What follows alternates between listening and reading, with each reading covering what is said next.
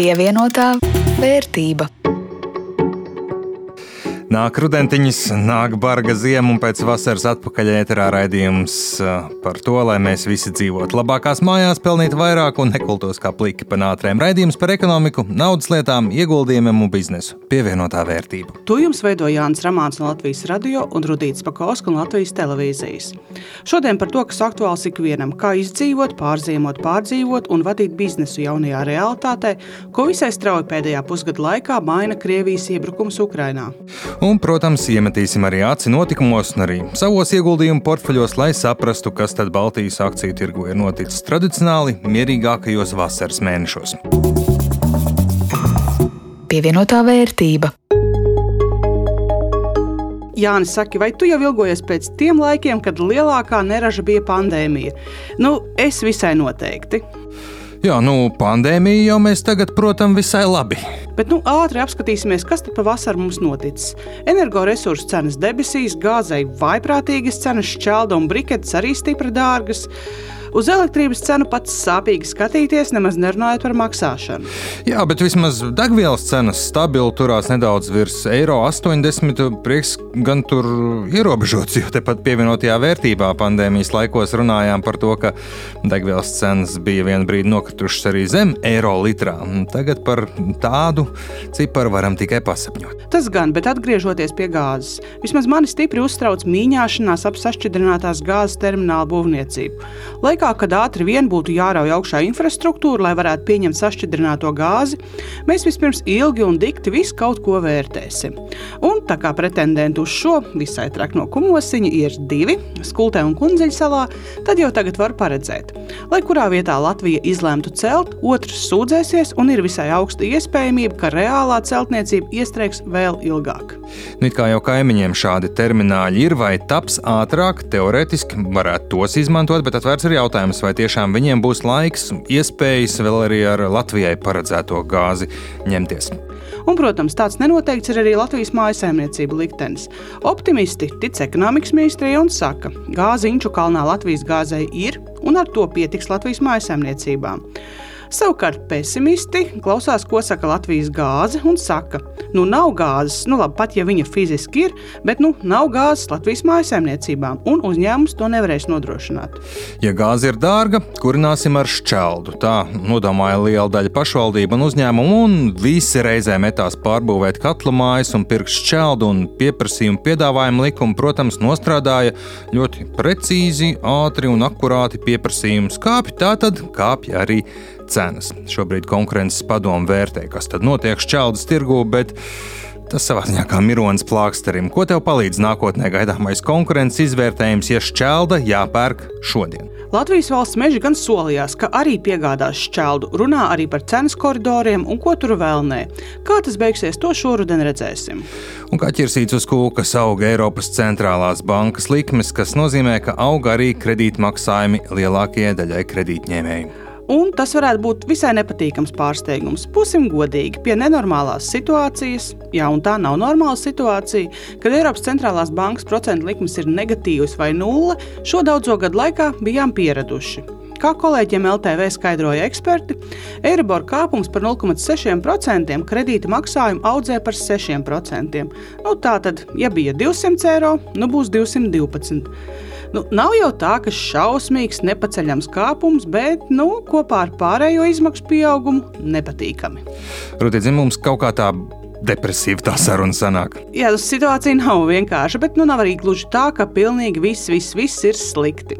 Pagaidām analītiķu prognozes joprojām paredz Latvijai ekonomisko izaugsmu, tapis arī atbalsta plāns energoresursu cenu kāpumam mājsaimniecībām, atbalsts būšot arī energoietilpīgajiem uzņēmumiem. Kā tas nostrādās praksē, to redzēsim jau turpmākajos mēnešos, bet šobrīd prognoze skaidra. Viss paliks dārgāks, inflācija var turpināt graut visus 2007. un 2008. gada rekordus un nebūs būs neviegli, nevienkārši. Pievienotā vērtība. Nevelti Iesāku šo raidījumu ar frāzi nāk barga ziema, to kopš pavasara dzirdam gan piemērotos, gan galīgi nepiemērotos brīžos un kontekstos, bet galvenais iemesls ir energoresursu dārdzība. Un ne tikai dārdzība, bet arī vispār iespēja pie tādiem tikt. Jā, nu, kā jau runājām, tas viss ir rezultējies straujā cenu kāpumā, kur viena cena strauji augšā, jo jāspēj samaksāt rēķinu par elektrību un gāzi. Citi ceļ cenas, jo viņu piedāvāto produktu visi pērk kā traki. Nu, un vēl daļa vienkārši tāpēc, ka, ja jau reiz visi, tad es arī vai te esmu sliktāks. Man liekas, ka tā perfektā vētra vēl tikai tuvojās. Tā lielākā bažas ir tieši tā, ka, piemēram, no tā, ko mēs esam redzējuši, arī ir uzņēmēji, kur arī to mēģina tajā skaitā mazliet ļaunprātīgi izmantot, zinot, ka var vēstuli sūtīt pa labi, pa kreisi, un visi ir pieraduši pie tā, ka var pacelt cenu pa 15, pa 20 un 25% un vairāk. Jā ir dažādi.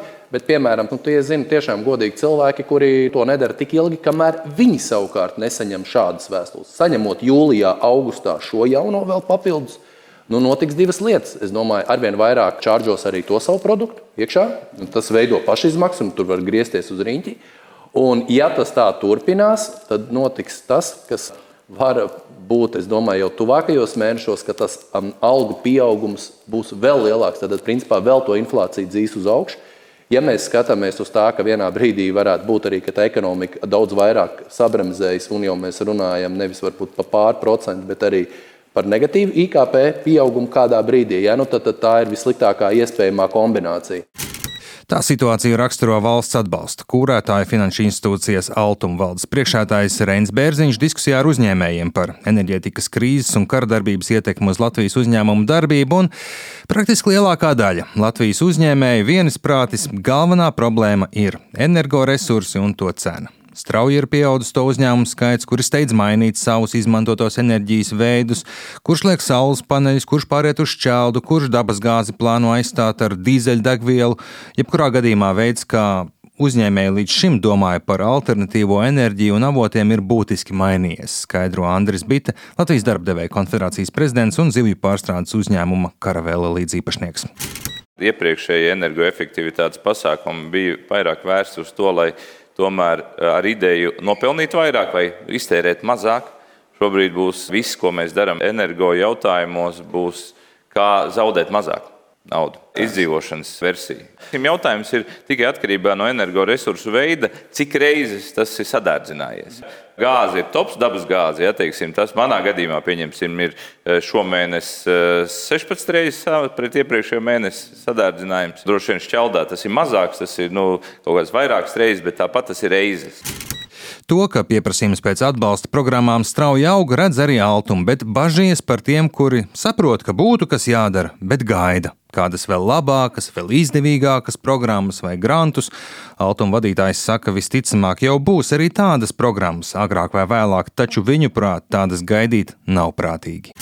Kamēr arī tāda tiek skaņota, es būtu, ja būtu uzņēmējs, es ņemtu jebko, kas jau ir šobrīd pieejams, jo ja ir esošas programmas, Un varbūt tajā programmā likme, nezinu, nav 3%, bet piemēram 5,5%.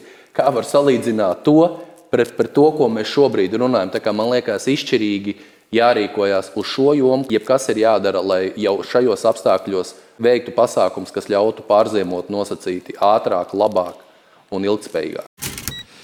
To, ka pieprasījums pēc pārejas uz alternatīviem kurināmiem un labākiem risinājumiem ir liels, apliecina arī šīs jomas uzņēmumu grupas AG Power vadītājs Roberts Samtiņš. Pēc viņa teiktā pat tādi lieli birokrātiski smagnēji uzņēmumi par brīnumu apstākļu spiest ir sākuši kustēties un aktīvi rīkoties šai virzienā. Problēma gan tāda, ka tas šobrīd notiek tādā kā mm, pašplūsmā, ugunsgrēka dzēšanas režīmā, kur katrs domā par sevi un iespējams nepadomā pārsoļus uz priekšu. Un ir risks pārcensties. Svarīgi atkal neiebraukt nākamajā grāvī. Mums nevajadzētu tagad koncentrēties uz to, ka mums būs liels gāzes patēriņš, mums ir jāuzbūvē divi dabas gāzes termināli, mums vajag uzbūvēt 3000 MW sauli, 2000 MW vēja, jo tad mēs iebrauksim nākamajā problēmā. Tad mēs iebrauksim to, ka tīklā radīsies tehniskas problēmas, mēs iebrauksim milzīgi dārgā infrastruktūrā, kuru mums nebūs jāizmanto. Tāpēc tā attīstība ir jāveic, bet viņa ir jāveic ļoti pārdomāti un ir jāskatās uz priekšu, jo kas būs atkal nākamās tendences. Jo šobrīd es jau varu pateikt pilnīgi skaidri, iespējams pēc pieciem gadiem mēs šeit sēdēsim un runāsim, ko darīt ar to milzīgo elektrības apjomu apjomu, ko mēs saražojam dienā, bet kuram nevienam nevajag. Būs, būs jūlija diena, spīdēs saule, un visi teikt, domās, ko ar to darīt. Bet par to ir jādomā tagad. kā mēs viņu uzkrāsim, kā pielāgot patēriņu. Uzņēmējiem šobrīd būtu jādomā tā, ok, pēc trīs gadiem visticamākais dienā elektrības cena būs zemāka, tāpēc man vajag likt iekārtas, kurām es varēšu pielāgot patēriņu, lai es varu tērēt to brīdī, tad, kad cena ir zemāka. Tieši šādi padomi, kā nu pat dzirdējam, ekspertīzes, redzējums un stratēģijas pietrūks no valsts pārvaldes puses. To piebilst darba devēja konfederācijas prezidents, lai gan pēdējā laikā, protams, pirms vēlēšanām politiķi un deputāti kandidāti ir dikti naski uzklausīt uzņēmēju problēmas. Šobrīd interese no politiskajiem spēkiem runāt par šo tēmu ir diezgan augsta. Ja? Nu, teiksim, apmainīties ar informāciju, idejas, uzklausīt, lai varētu, bet tas ir, es gribētu teikt, droši vien interesi tāpēc, lai to izmantotu savā priekšvēlēšana aģitācijā, izskatītos labāk ja, pret eh, citiem, lai būtu kompetentāki. Dievs dod, lai tā interese saglabājās arī pēc nu, eh, iztrūks, iztrūks, mums tāda iztrūks, tāda kaut kāda mērķa uzstādīšana, tad diskusija, kā viņu sasniegt. Tā sadaļa nu nav. Mums uzklausa, jā, dzird, bet to nepietiek. Raidījuma izskaņā par to, kas vasarā ir noticis Baltijas akciju tirgo vasara, parasti ir tas brīdis, kad tirzniecība pierimst un retāk manāmas kādas straujas kustības, bet šī, protams, nav parasta vasara. Tikai vienu vienīgu vasaru apskatīt varbūt nebūtu diezko prātīgi, lai gan te es pateikšu, ka kopš mūsu vasaras sākuma raidījuma mana portfeļa vērtība ir augusi. Daudz vairāk pastāstīs pēdējie seši mēneši, jo ir apritējis tieši pusgads kopš Krievija nolēma sākt pilnu mērogu militāru iebrukumu Ukrainā ar visām no tā izrietošajām sekām. Un paraugoties šādi, akciju tirgos nav nemaz tik slikti, kā varētu domāt. Ja karam un neskaidrību periodam sākoties kritums bija pie 15% Baltijā, tad tagad - mīnus 5%. Bet, kā jau pirms brīža runājām, iespējams tas grūtākais periods vēl tikai priekšā. Mazliet cita aina ir, ja paraugās uz katru Baltijas valsti atsevišķi. Rīgas biržā kritums ir tuvu 8%, lielākais Tallinā teju 3% kritums, bet lietuvieši pamanījušies būt 3,5% plusos. Un te galvenie veiksmieki ir lauksaimniecības, piena pārstrādes un arī enerģētikas jomas uzņēmumi. Godīgi sakot, es mazliet košu pirkstos, ka nepaklausīju mūsu ekspertu ieteikumam iegādāties Linas agro grupas un vilkišķu pienu akcijas. Tiem pēdējā pusgada laikā vērtība ir pieaugusi par 33-37%, taču mierinājumam arī manā portfelī esošais enerģētikas uzņēmums Enefit Green pie augstajām enerģijas cenām prot labi pelnīt. Tur plus 25%. Jā, Linas agro akcijas manā portfelī iepriecina. Kopš iegādes brīža to vērtība augusi par 106%, un liela daļa šī pieauguma tieši kopš kara sākuma. Bet par vilkišku pienu nu, ir jāklausa gudriem cilvēkiem, nevis jāturās pie esošām akcijām, jo sirds tak neļauj mīļās, dārgās manas pārdot. Ai. Kā var noprast, arī es nesaņēmos un nepārdevu kādas no esošajām akcijām, lai pamainītu pozīcijas, lai gan eksperts to ieteica. Mācība nākotnē, ja mainās situācija, maina arī savu stratēģiju. Skatos savā portfelī, nu, tur tā vidējā temperatūra pavasarī nav mainījusies neko būtiski. Ieguldījuma vērtība 438 eiro no sākotnējiem, 300 un kādi 12 eiro vēl stāv neieguldīti. Bet, nu, labi arī saprotu, ka pēdējo sešu mēnešu viena no lielākajiem zaudētājiem biržā ir arī manā portfelī portfelī Harju Elektra, Tallinas osta, Nordeko un tiem visiem vērtību leju par 15-20%. Bet vasarā arī nekādas izmaiņas es neesmu veicis, praktiski tāds sastindzis, vienkārši skatos, kas tad notiks. Vasarā gan bija viena laba iespēja rīkoties. Biržā ienāca vēl viens vērā ņemams finanšu nozares uzņēmums Indexo. Tā sākotnējais akciju piedāvājums un pieteikums biržai bija visai veiksmīgs. Visiem gribētājiem akciju nepietika. Jā, tur bija labi iespēja ātri nopelnīt, jo, ja daudz gribētāju, tad cena, protams, dodas augšu. Pirmajā tirzniecības dienās cena pat no sākotnējiem 14,50 eiro uzlēc pāri 17 eiro. Ažutāžai noplokot šobrīd grozās ap 16 eiro atzīmi. Bet, nu, Vēl mazliet par manu portfeli. Linas agro šobrīd ar lielāko kāpumu, bet lielākais kritums, un tur arī mīnus, ir Hanza Matrix. 9% akciju cenām mīnuso kopš iegādes brīža.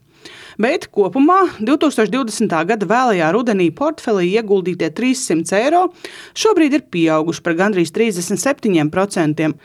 Un viss mans portfels šobrīd ir 407,60 eiro vērts pievienotā vērtība. Ar to arī izskan raidījums pievienotā vērtība. To jums veidoja Jānis Rāmāns no Latvijas radio un Rudīts Pakauska no Latvijas televīzijas par labskaņu rūpējās Ulris Grīnbergs. Uz tikšanos pēc nedēļas, bet gan šo, gan citus Latvijas radio raidījumus varat atrast arī Latvijas radio mājaslapā, raidierakstu vietnēs un arī Latvijas radio mobilajā lietotnē. Pievienotā vērtība.